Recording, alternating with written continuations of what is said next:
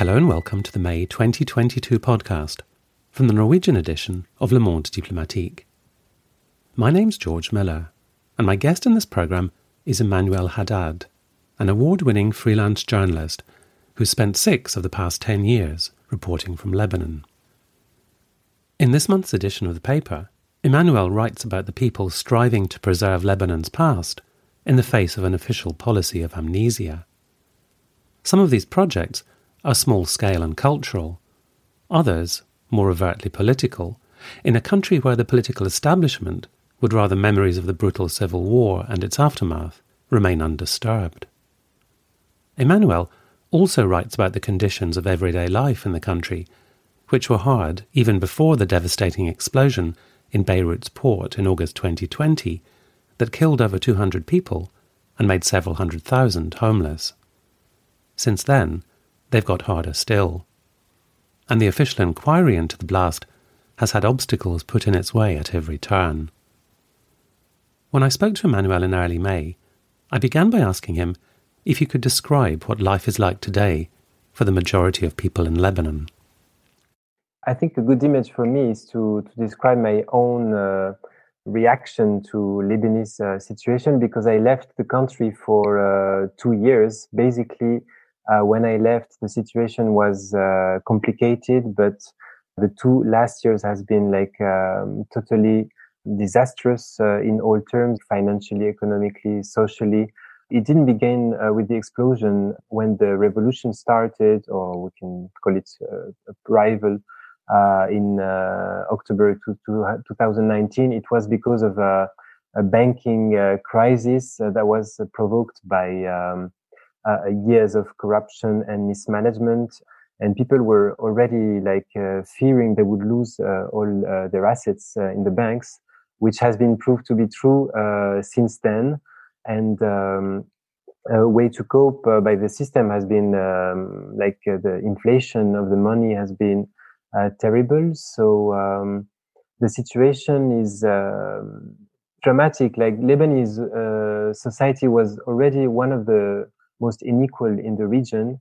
So people were used to see dramatic uh, differences between the, the rich uh, and, uh, and the very poor.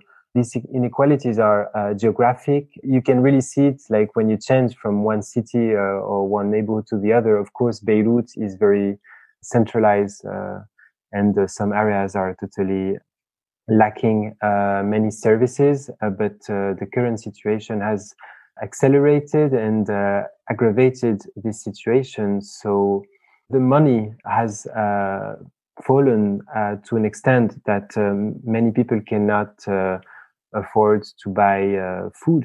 Beyond that, many families are not able to send their children to, to, to school and this is very hard for the Lebanese people who always uh, were keen on sending their kids to the best uh, schools and universities because the public schools are uh, in a very bad shape. So any Lebanese, uh, even uh, low middle class, uh, would strive to to put their kids on private schools. now this has become almost unaffordable so uh, health is the same, um, like the public system is um, was already in difficult uh, situation. Now it's it's getting even much worse. Um, most of the doctors have left the country. So so how do you survive in this situation? Uh, the Lebanese uh, society is used uh, of uh, receiving assets from the diaspora. So so you already had millions of Lebanese living in uh, North America, in the Gulf countries, in Europe, uh, helping their uh, their families in in the country. So this has become uh, uh, a real dependency for many families, like really depending on the Western Union uh, support. Receiving cash is a necessity when you cannot withdraw dollars from your bank. So you wait for the help of um, people living in foreign countries to send you what we call fresh dollars in, in the in the country. So inequalities have uh, raised also in this extent. Uh, people with fresh dollars, so people working for NGOs or people working for uh, Gulf uh, companies, uh, are still managing to have a let's say a normal life, but everything is more complicated because you don't have electricity, you don't have. So even if you can afford uh, living in these conditions, uh, life is complicated uh, nowadays. Yeah. So it's been difficult for everybody, even the people who've got access to dollars and have been used to life being being really quite easy. It's become difficult. And you mentioned doctors leaving. And of course, they're not the only group or the only kinds of people who have left in, in these recent years. Can you say something about the extent of the exodus from Lebanon? Because it sounds from your article uh, as though it's really significant. Yeah, it is said to be uh, the biggest uh, exodus since the, the, the, civil war. And uh, before that, there was uh, several waves of uh, Lebanese emigrating from their countries. So like unfortunately it's not some it's not the first time that lebanese leave their country maybe it's a way to cope that they have been used to to, to doing before and maybe uh, some of them have already resources like they know parents uh, well in the article uh, i mentioned a figure about 380000 demands for immigration in europe and north america there's already many Lebanese living in uh, these countries, in Western countries, so uh, they can probably rely on uh, on communities to to help them. To, so it's uh, it's tempting uh, when uh, well I've met actually in the article he's mentioned, but I didn't say it. But one of the in Tripoli, one of the person I talked to is he, he's in the faculty of Balamand. He's a very highly educated person. And uh, he just told me after the the end of the interview that he was about to leave because he had three children and he couldn't pay for the education and uh, and the salary when you're paid in in Lebanese uh, uh lira is um, yeah similar to to nothing. You get 20 25 dollars a month. So so yeah, most of the people who had the possibility to to leave the country uh, have done it, except, uh, and this is what I, I, try to mention in the article, people who uh, decided to stay for different reasons. Uh, some of them because uh, they're too attached to the country, or uh, because they want to do something um, as an activist, or as if everybody leaves, then the country will will, will re- remain unchanged forever. Yes. And going back to the explosion, in the immediate aftermath, I heard hopes expressed that it had been such a profound shock. You know, it was such a terrible, dramatic event that there would be some kind of political reckoning, some kind of. It would mark a division between the bad old ways and some kind of new attitude, new, fresh vision for, for Lebanese politics was that just foolish optimism? Was that was that never really? Was that just trying to make something good out of something very bad? Because it doesn't sound like that kind of reset has really happened. It hasn't happened, uh, but I'm not sure Lebanese people really expected any change after the explosion. I think maybe from outside uh, you, you get this uh, explosion that was similar to uh, almost a nuclear explosion so you, you expect if you don't know the country if you don't know the leaders of this country you expect something will dramatically change after this and uh, well as for france like president macron came and uh, maybe a bit arrogantly uh, said okay you need to do something guys and they said sure but they're used to, dealing with international expectations and to give a little bit and uh, to, in order to receive more. So I think Lebanese, uh, more than hope, uh, they, they, they, felt uh, totally powerless more than ever.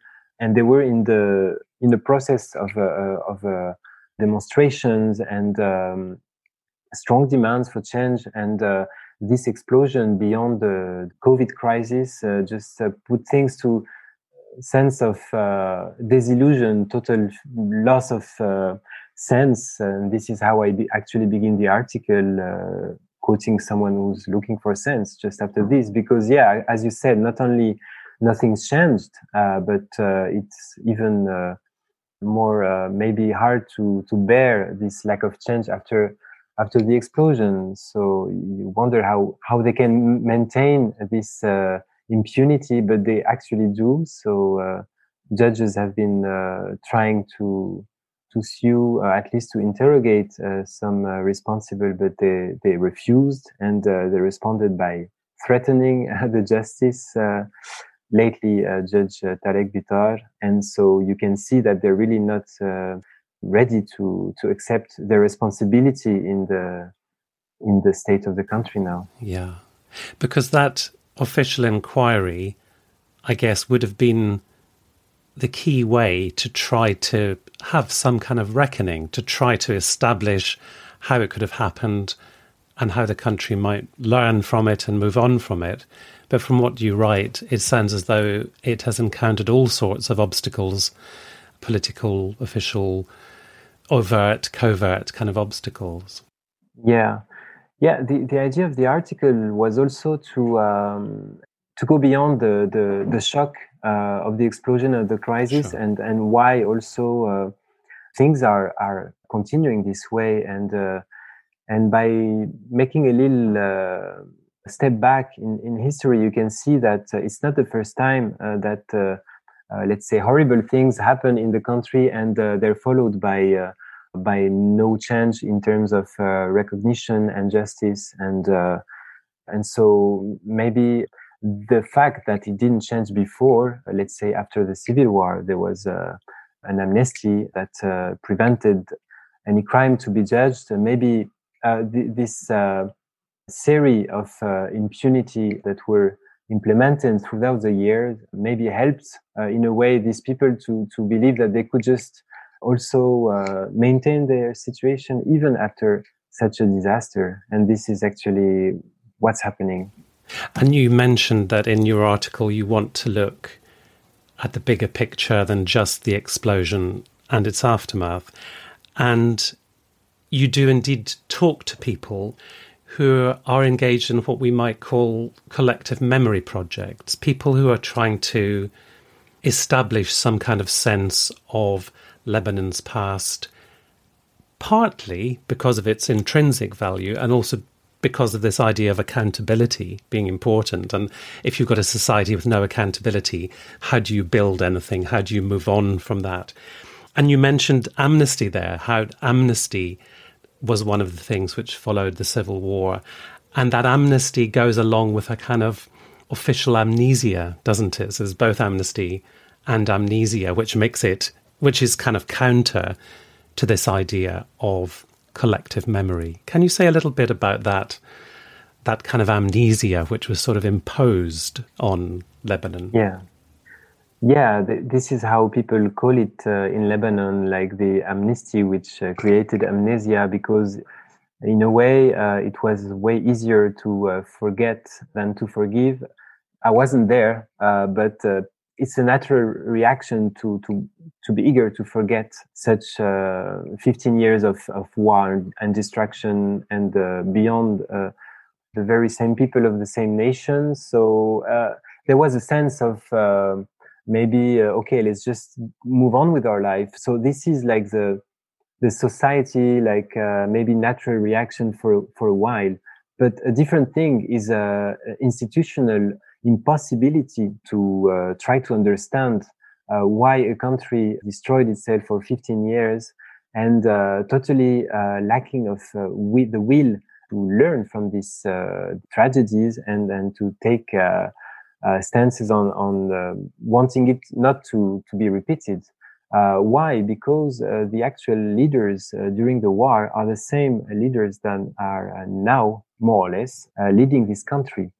So uh, we can talk about Nabih Berri, for instance. It's one of the leaders that we call Zoama. He was uh, like the warlord uh, during the war. He was uh, uh, leading uh, the the Amal, which was a weaponized militia, and nowadays he's the chief of the assembly for more than three decades. So uh, people are not surprised that uh, those leaders will not try to look in the past, and uh, the amnesty was a way, it was a tool to allow them uh, not to remember uh, all the crimes, and uh, so trying to create a collective memory is important to try to move on in a different way because moving on by this uh, amnesia many people believe uh, that it will only provoke the same situations uh, in a kind of vir- virtuous cycle, not virtuous cycle, vicious, but, uh, a vicious, vicious cycle, cycle yes. actually. Yeah. And uh, another thing is trying to move on, having learned from the past, having uh, accepted the responsibilities of the different actors of the war.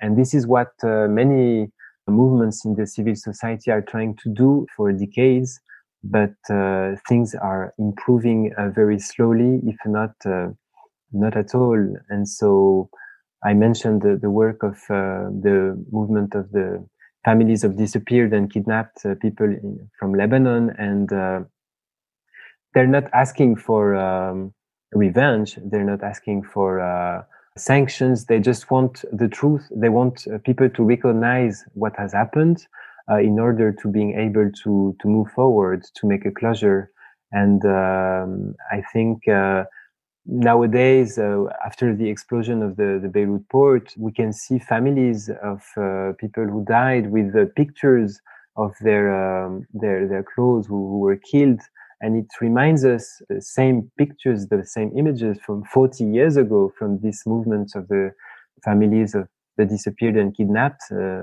asking for truth, uh, asking for uh, investigation. So it's also a way uh, to to see that things are repeating in this country because of this impunity.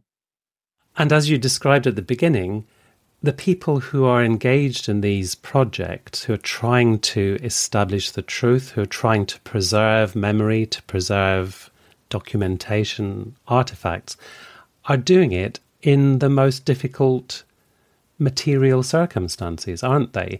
In a country where affording energy and, and food and having access to money that you can spend, where all those things are so difficult, you know, some might see it as not a priority to gather together archives and try to excavate the past. But the people you spoke to clearly have a very strong sense of of mission, don't they?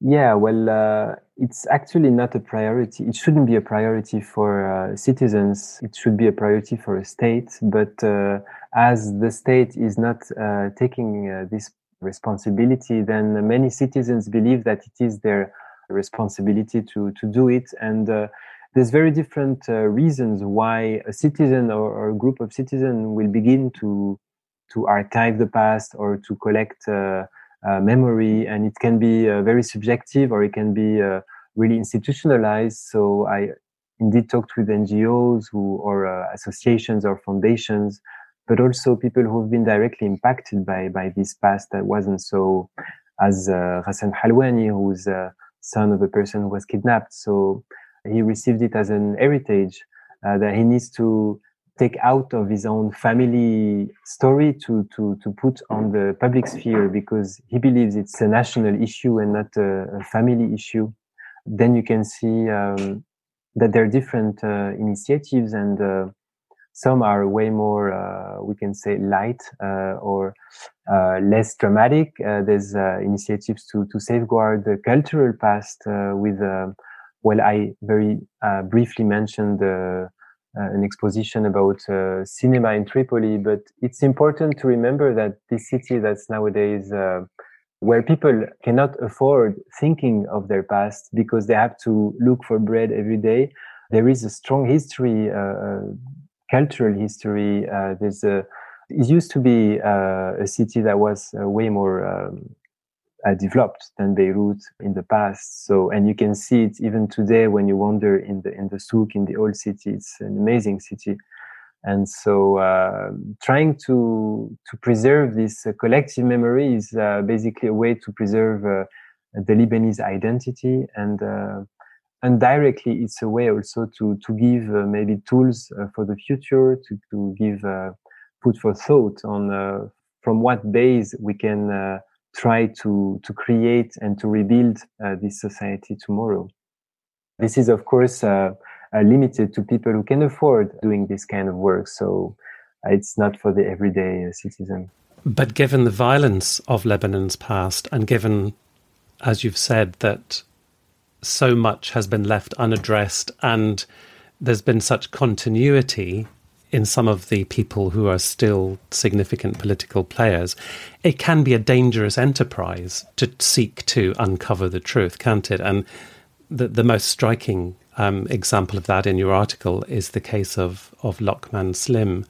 And I wondered if you could just say a little bit about what happened to him and what he what, what he was doing and and the consequences.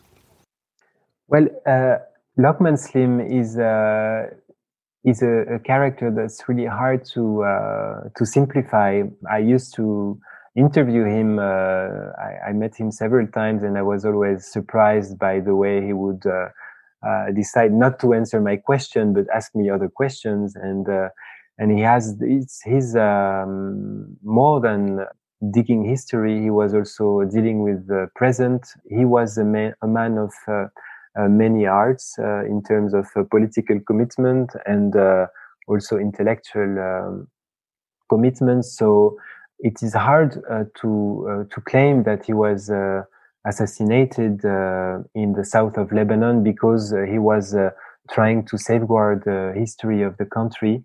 He had also a strong stance against uh, the Hezbollah, which is uh, the main party of the south uh, of Lebanon, and um, and he's known to be an opponent, uh, to be a Shiite opponent to this uh, Shiite uh, party, and he decided to stay in the in Shia, in the Shiite uh, neighborhood south, uh, of south of Beirut, as a claim uh, that this neighborhood was also a place open for everyone. But it's not uh, welcome maybe to dig uh, too much uh, in the past. And uh, Lokman Slim um, is, a, is a terrible reminder that uh, political assassination uh, have a history in this country, and they were actually working on archiving this this history, this dramatic history, and he became one of them. So this is um, a terrible example. Then other people have experienced and other groups have experienced other ways, not necessarily like uh, pure uh, murder, but other ways of uh, diminishing their voice or uh, preventing them from expressing uh, their need to learn from the past, to know the past. And uh, I think of the families of the disappeared here that have been trying to pass laws to allow the exhumation of um, common graves and a law was voted uh, in uh, 2018, but uh, so far not implemented. And this law, they've been fighting for 36 years to have it, just to have uh, the international right recognized. Leaders always said that uh, looking back in the past would trigger a new war or would uh, awake the, the ghost of the civil war. And it is a very strong statement to say to the victims of uh, of the war by uh, the people who are responsible for the suffering. But this is uh, what they've been telling them for years. So, yeah, it's uh, difficult to look back in the past, and you need to be to be brave in this country. What about young Lebanese people, say under the age of thirty? What kind of shapes their sense of both their country and their country's recent past because I'm conscious that 1990 to someone under 30 is is history isn't it? So I wondered how do they have a sense of their country and its past well, first of all, I, I don't think uh, i would be able to talk uh, for all the, the, the, Lebanese of this generation. Of course, it's really, a big it's a big question. Yeah, yes. no, it's it's no, no problem. But I, will try to answer as much as I can. Uh, there's a strong divisions uh, in this generation, as there are divisions among all the Lebanese. So it's hard to compare, uh, let's say. Uh, a Lebanese from the middle class who lives in Badaro and someone from uh, Khandal Rami living in the in in these uh, conditions of a strong uh, uh, party um, legacy of the leader cult. And so some youngsters are just going to follow their parents uh, in uh, continuing to stand uh, under the same flag of their parents, the same identity, which is both political and confessional, religious, we can say, even if religion is not always an issue. It's a matter of identity. It's a sometimes a matter of neighborhood, like uh, it's a matter of belonging. On the other hand, you can see that uh, many, many uh, young Lebanese are trying to change this system. And you could see it in the revolution, what was called the revolution of uh, October 2019.